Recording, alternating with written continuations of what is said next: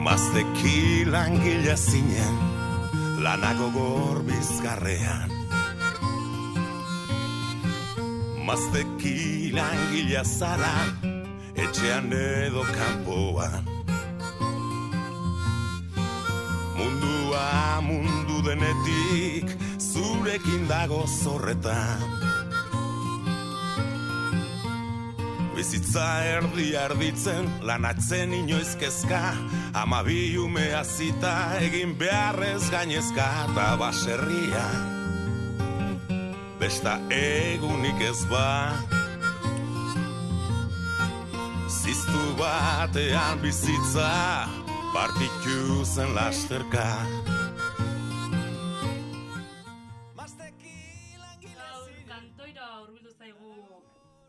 Gaur kantoira hurbildu zaigu Maider Oleaga zinemagilea, hain zuzen ere bere azken filma muga ditzen da pausoa aurkeztu berri duelako. Datorren astean bertan izanen dugu aukera bai filma ikusteko, baita Maiderrekin solasaldian aritzeko, oian eder euskararen etxean, asteazkenean, ekainak emeretzi, arratsaldeko zazpietan. Zita horren beroketa gisa, tarte bat hartu nahi dugu gaur, kantoian Maider roleagarekin solasean aritzeko. Arratxaldean, Maider? Arratxaldean, Maialen. Zer moduz? Oso ondo.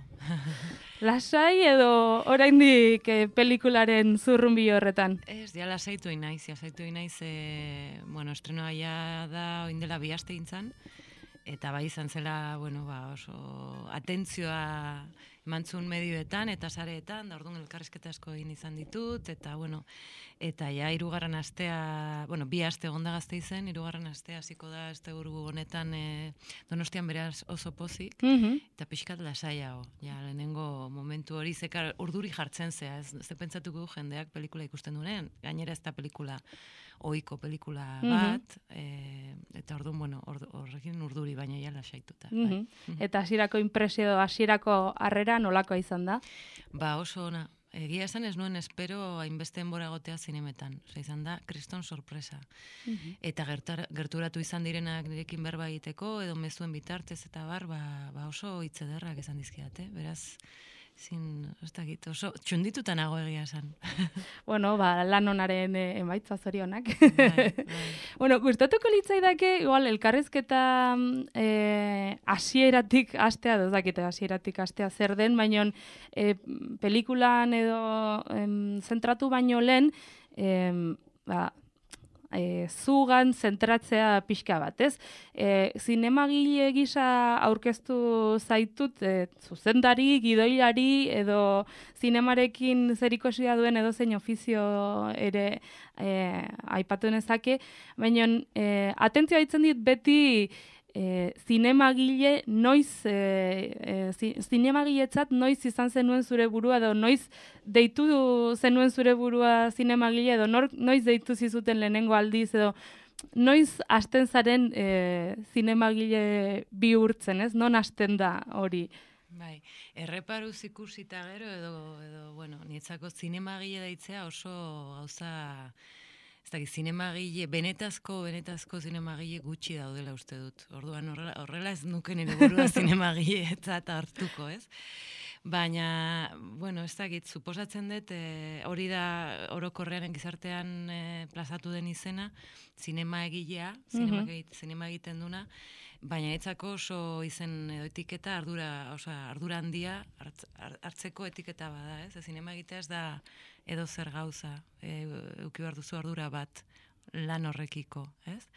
Noiz, pues, suposatzen dut pelikulak egiten hasi nintzanean, baina egia da, e, hasiera batean agian nire burua edo gehiago e, hitz beste hitz bat dago izendatzeko dela zu, e, zinema zuzendaria. Mm -hmm. ez? Ingelesez ere badago e, filmmaker, mm -hmm. agian hortik e, erderaz zineazta, baina ez da berdina filmmaker regin e, zer ikusen daka, ez? Eta oso polita da, ze, ze zinema gile bat, baitera izan daiteke film batean e, soinu hartzen duen pertsona, mm -hmm. adibidez, ez bakarrik zine zuzendaria, ez? Eta orduan askoz ere orokorragoa da eta ustut e, politagoa da potagoa dela. E, ez dakit noiz aldatu nuen, oin dela agian biru urte, ez dute gogoratzen oso ondo, ez? Baina zineman sartuta uste, uste asko dara mazkit, ja. Mhm. Ben ikasi nuen unibertsitatean e, e, entzu, ikusentzunezkoak, eta gero e, Madrilgo zineskolara joan nintzen, eta geroztik beti e, bili nahi zinema munduan gauza bat edo bestea egiten, ez? Mhm. Ordu, bueno, urte asko dira. Bai. Gustatu zait zinema filmmaker edo ba, zaku horretan sartzea ez bakarrik e, zuzendaria baizik eta ba, parte hartzen duen e, taldeko pertsona ba, guztiak, ez? E, hori oso polita da. Bueno, mm, luzatzeko joera dut beraz, saiatuko nahi zentratzen. E, pelikulan mm, pelikulari buruz solasean hasi baino lehen ja kasik derrigorrezkoa da galdera euskal zinema ahozado da bil azken aldian errementari dela, handia dela eta bueno, elkarrizketa oso horren bueltan egin genezake, baina mm, zakit bi alde aipatze aldera indargune bat, ahulgune bat edo zakit orokorrean euskal zinema gaur egun nola ikusten duzu eh, ona, txarra, erronkak, eh, zailtasunak. Oso ondo ikusten dut, e, e, bai, e, zine komertzialagoa den horretan, handia edo rementari bezala, gero eta pelikula gehiago egiten dira olakoak, eta gero eta e, pelikula osa, oso onak direla uste dut, eta publikoa publikoari gustatzen zaio, badoa zinematara pelikula horiek ikustera, eta gero badaudere, e, ba, e, bestelako zinema bat egiten duten pertsona eta zuzendari asko, eta gainera emakume asko, eta oso zinema interesgarria da sortzen gaur egun e, e, Euskal Herrian. Baina bai esango nuke ez, e, Euskal Herrian ez dugula industria bat. Mhm. Hau da, e, ezin dugula berez honetaz bizi. Oso prekarioa da.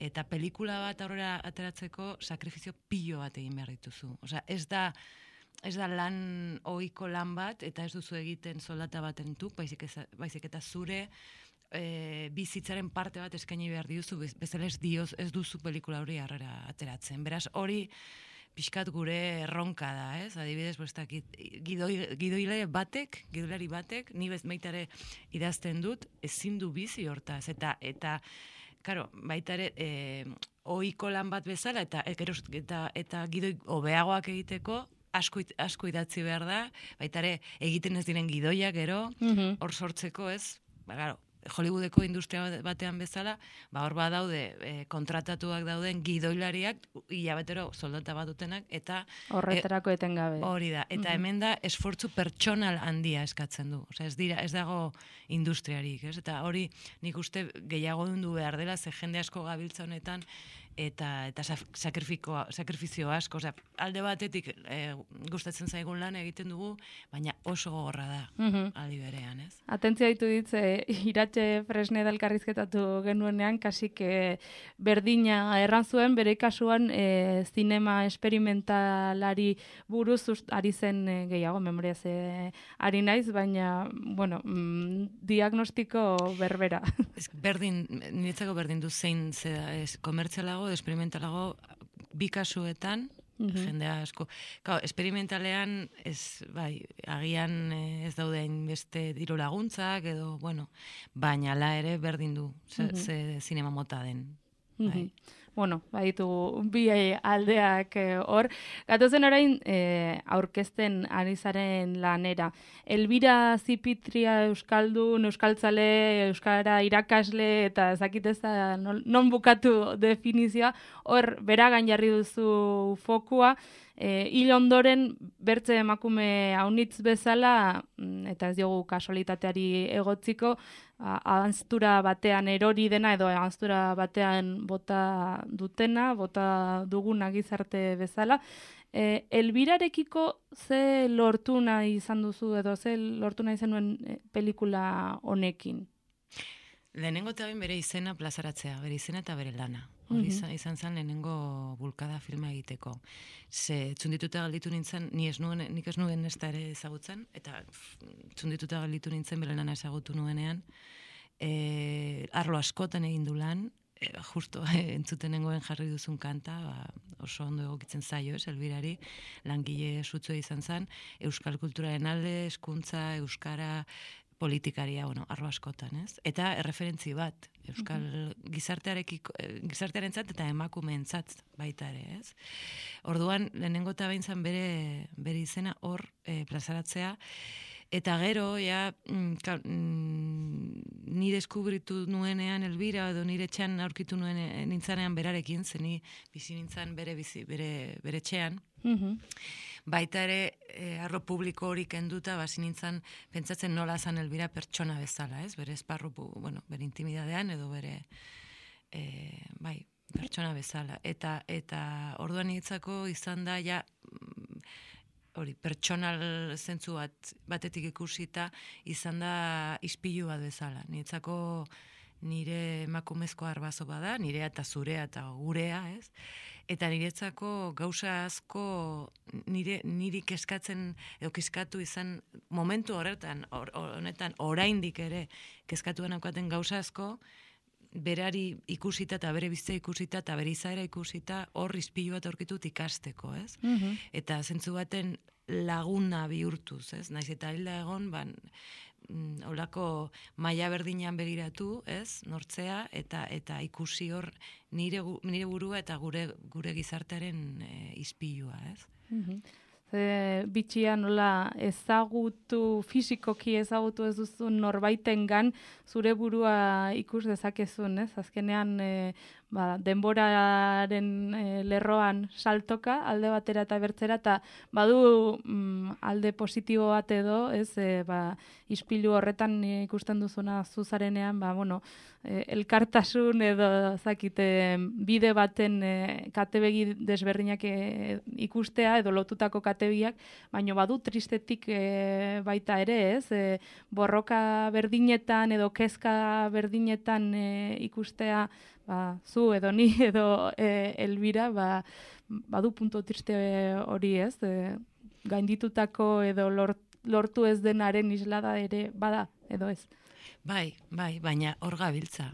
Hor gabiltza, ekinean, ez? Eta horregatik bere, bera bezalako erreferente bat, uste oso garrantzitu dela ikusteko baita ere lehen, gu baino lehen, bazeudela beste emakume batzuk oso sortak izan zirela, eta eta muga asko gainditu zituztela, ez? Mhm. Eta niretzako lehen aipatu duzula e, hildakoak eta bar, niretzako e, uste dut e, komunikazio gehiago uki beharko genukeela gure hildakoekin. Mhm. Osea, niretzako hori da oso oso garrantzitsua. Et, ezin, ez, niretzako gure bizitzaren parte dira. Ez da, osea, hilda daude, baina bizitza da, e, osea, eriotza bizitzaren parte delako, baina gure bizitzan daude. Mhm. Eta bere aita zahaztea, ez da zilea. Osea, nik uste hartu behar dugula eta ikusi eta begiratu zen egin duten gure horretik, ez? Bai, hoi, bertze kultura batzuetan e, zakite errotuago dago eta gurean ez ados nago horrekin.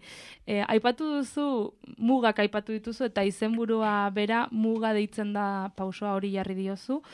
E, zergatik e, izenburu hori muga deitzen da pausoa? Bai, hasiera batean beste izenburu bat zeukan, irago eta zei bi, e, eta bueno, hori bazuen bere, bere islada e, gidoian, errodatu baino lehen lehenengoko izenburua zen, hogeta sei kapitulu zituen, eta bueno, strukturalki bazuen zentzu bat, hogeta sei bidea, e, txaren elbidea, Mhm. eta ira zan bere ezizena, da, elbierarena. Eta, eta bueno, ja rodajean nengoenean, betzatu nuen, bueno, ja, desoestatu egin nuen gidoi hori, beste, osea, beste bertzio bat egin nuen, non ez, ez zeuden hogeta sei kapitulu, eta Mhm. esan nuen, bueno, hemen beste zeu zer nahi dut, zenburua ja ez zitzaidan gustatzen. Eta, bueno, ba, behin, bere lagun batekin nengoela, e, berarekin euskara klaseak ema, emandako emakume bat, oso jatorra. Berak aipatu zuen hola, e, esaldi baten bukaeran muga ditzen da pausoa, ez? Eta geratun, geratu zen nire buruan, galdetu nion, esan zian, bueno, pues, normalen apatzen dan zuen zerbait zela, ez dela, eta zala otainoren, pero Mari otainoren bertso bat. Mhm. Eta hortik aurrera erabili nuen askotan ni oso kontzeptuala naiz eta eskemak edititerakoan edo nire pelikula ulertzeko mm, gogoetak egiterakoan muga ditzen da pasoa zegoen eh, a- os, asko erabiltzen nuen, ez? Eta edizioan ja, pues, eh, esan nuen, eske, badakit oso eh, izenburu zaila dela, banatzaileak esaten dit, eta ekoizleak esaten dute, baina, baina, esan nuen, pues, eske hau da izenburua. Zergaitik, ba, Elbira bere garaian eta bere testu inguru ezberdinetan, bai gerra baino lehen, gerra, gerran zerbesteratu zan, hori fisikoa izan zen ez, baina bere bizitza guztian zehar muga asko gainditu zituen. e, ikuste ziren e, mugak askotan, ez? Ba, hori, esparro publikoa, Publika, publikora atera e, gaztetan, hogeta margarren amarkadan, emakumeako indika txilotua ginen e, barruan, edo e, frankismo garaian bere esparro e, privatua erabili e, publikoa egiteko izkutuan, ez? Mm ikastola bat sortzeko, eskola, eskola bat sortzeko. Eta gero horrekin batuta baita ere, e, ni zuzendaria naiz, baina kasunetan zeharkatzen dut enkuadraketaren e, muga hori ere eta nire gorputza eta nire sartzen da, ez? Eta orduan, bueno, mugeekin zer ikusi handia daka filmak, eta bueno, gero ikusten dutenek ikusiko dute agian oi hartzun gehiago, ez? Mm Mugaren e, muga zeharkatzea, mugak zeharkatzea horrekin hori aipatu duzu, baino izenburuak badu bertze hitz bat e, pausoa, ez? Muga eta pausoa hor ba, kontraerranean dauden e, bi kontzeptu bueno, iduritzen aldute, hasiera batean ez, baino e, zuk orain aipatu duzun bezala, e, film honetan mm, ez daude kontra jarrian, baizik eta elkar e, osatzen dute. E, muga hoiek e, gainditzerakoan edo e, zentzu bat, ari bat aurkitu ditu duzu muga guzti hoien artean? Gainditutako pauso hori eman beharra, aldarrikapen bat da, edo deskribapen bat e, da. Nik esango nuke aldarrek, aldarrikapen bat dela, ez? E, muga, osea, pausoa eman behar dugu muga zeharkatzeko, eta eta elbirak pauso asko eman zituen muga hoiek zeharkatzeko. Horregatik mugaren pausoa, mugaren izena pausoa da. Mm Zeharkatu dezakegulako. Baina, askotan ezin dugu zeharkatu, askotan beste gauzak beste gauza batzu atxilotu atxilotzen gaituzte ez dakit, baina Elbira bezalako pertsona bat pauso hoietako pauso asko eman zituen. Mm -hmm. eta horregatik aldarrikapen bat bezala ikusten dut. Bai. Mhm. Hor, em, em, aipatu duzu baita ere, e, lehenengo gidoi bat zenuela, gero deus estatu zenuela, e, batzutan aria, ez, e, solastu gara, ba, eh, elbira bera emakume ez dela mugaren eta pausoaren eh, horrek edukia nolabait markatzen du, ez? E, zein, zein izango den eh erran gaia edo jorratu nahi dena, baina gero eh muntaketa dago nola eh E, plazaratuko da nolako izan zen muntaketa prozes, ez dakit muntaketa den edo informazio guzti horren e, egiturak eta Bai, bueno, e, badago modu estandar bat, izango genuke filmak egiteko, e, dela gidoi bat idatzi, eta gero rodatu, eta gero mm montatu, ez? Bai. Bi pro, iru prozesu horietan sorkuntz, sorkuntza prozesuak dira, berez aldatzen dira proiektuak, ez? Nik pentsatzen dut proiektu bakoitzak e, baduela bere egiteko modua. Eta agian modu tradizional hori apurtu daiteke eta beste modu batean egin, adibidez hasi zaitezke zerbait egiten gidoi, gidoia idatzi baino lehen mhm. filmatzen, ez? Bueno, e, nik kasu honetan e, hasiera batean idatzi nuen gidoi bat, e, nietzako etor, ondo etortzen zait batzuetan, beste batzuetan ez, idaztea eta eta lurreratzea ditudan idei batzuk, baina gero pelikulanetan e, oso nabarmena izan da niretzako bilaketa formala denbora guztian baita ere nire etxean zelako eta ni agertzen nintzalako. Orduan hor bat zegoen e, niretzako, bueno, zaila egin zitzaian zerbait da, ni oso gertu nengoela, oso erdian nengoela. Eta zuzendari bezala askotan urrunt, urrundu inbertzea e, gauza hortatik, ez, forma emateko. Mm Orduan, bueno, bilaketa formala oso hasieratik bukarar arte izan zen.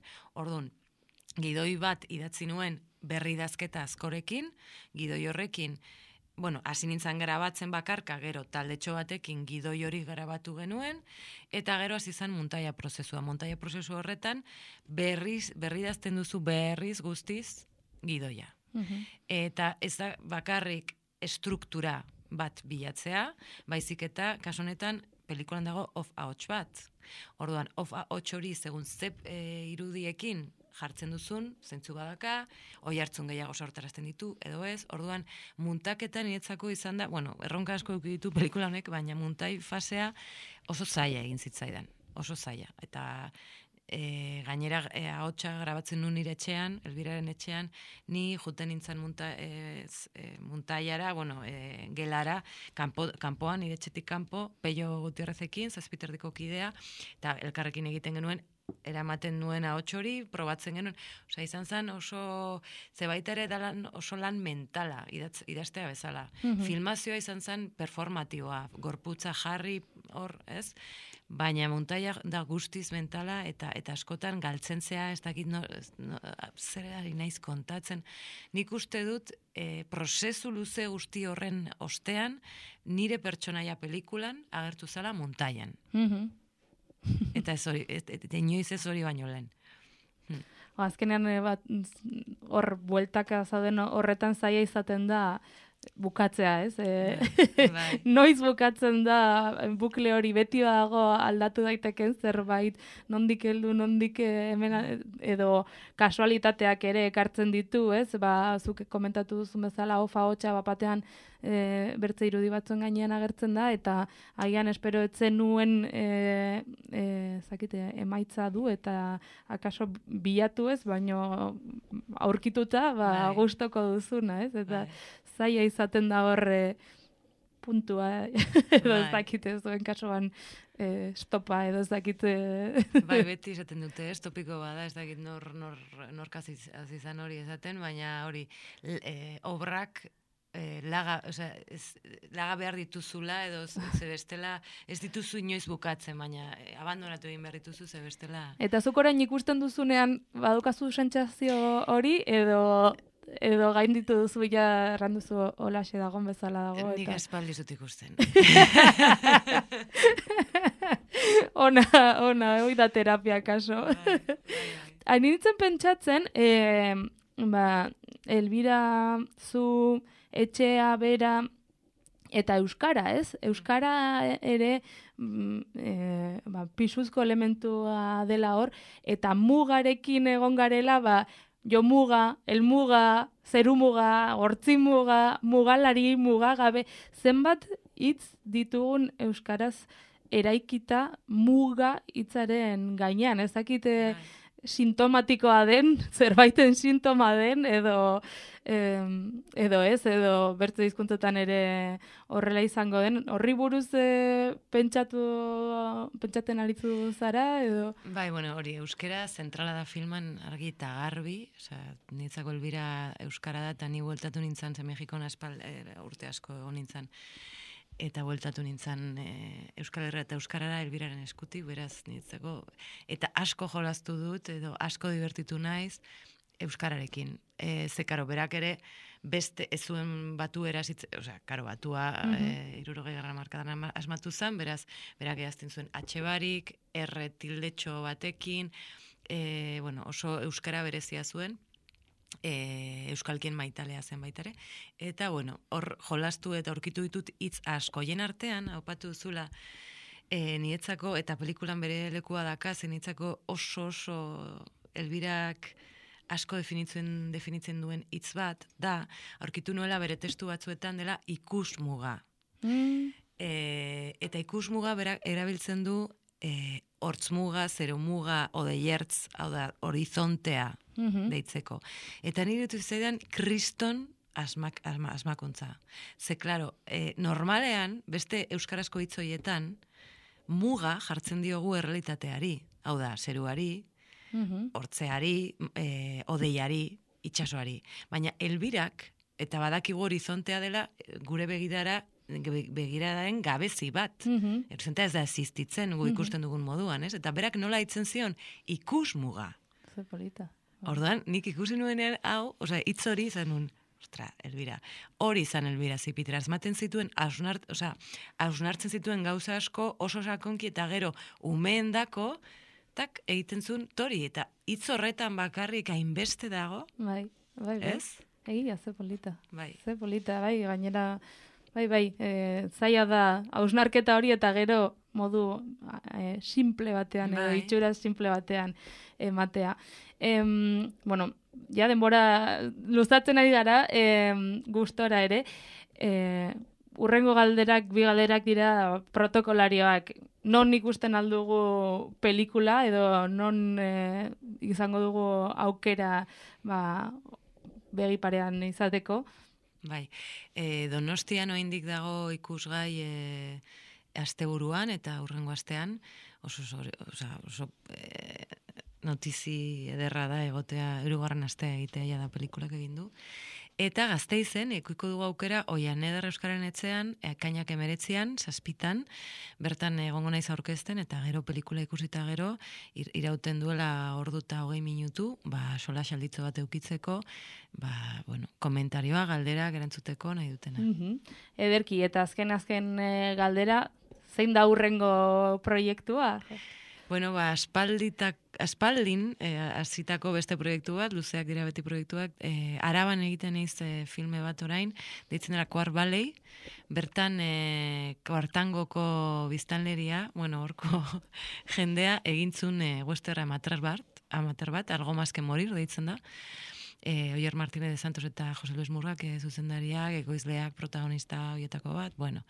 Eta, bueno, nietzako oso pelikula divertiga, ez, daka, ez du izango zer ikusirik honekin, eta horrek ere posten nau, ez, beste zeo zer da, eta da kontatzea nola, bueno, nola zinema egiteko grina, bai? Eta, eta, eta nola kolektibidade batek laguntzen dion bi zoro, zinemagile zoroi pelikula bat egiten, ez? E, western bat egiten, gainera, mm ez? Olako poblado, western style poblado horietako bat e, iraikitzen eta guzti, ez? Orduan hori hori nago egiten hori. Ara, ban, eta noizko izango dugu betiko galdera. bueno, ba, gustatuko litzaidake urte bukaren e, bukatzea eta urrengo urtean e, ikusgai egotea, baina ikusiko dugu. Mm Ongi, ongi, ba, mila, mila esker ezakit zerbait gehiago gehitu nahi duzun, e, ba, orda, mi esker kantoira urbiltzeagatik, eta hori, ba, gombita, gombita luztatuko diogu jendeari, oian ederre Euskararen etxean datorren astean, ekainaren emeretzean, arratsaldeko zazpitan, ba, arata joateko, eta bai. filma ikusi eta gero, zurekin sola saldian aritzeko ez dela. Ados, eskerrik asko maialen. Ba, ongi zan, eta nahi duzun arteo. Eskerrik asko. Agur hasi bezala bukatuko dugu elkarrezketa mugaldekoak taldearekin. Hasieran emazteki langilea kanta aitu dugu eta orain mugaldekoak kanta. Ongizan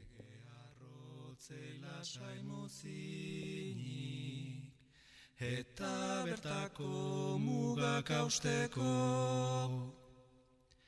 bertako mugak eta libreago bizitzeko. Libreago bizieta. Aratonatean ibiltzeko. Aratonatean ibilieta. Kontrabandoan zoriona pasatzeko kontrabandoan zoriona pasa eta mugalaria izan eta mugalaria izan eta mugalaria izan eta mugalaria izan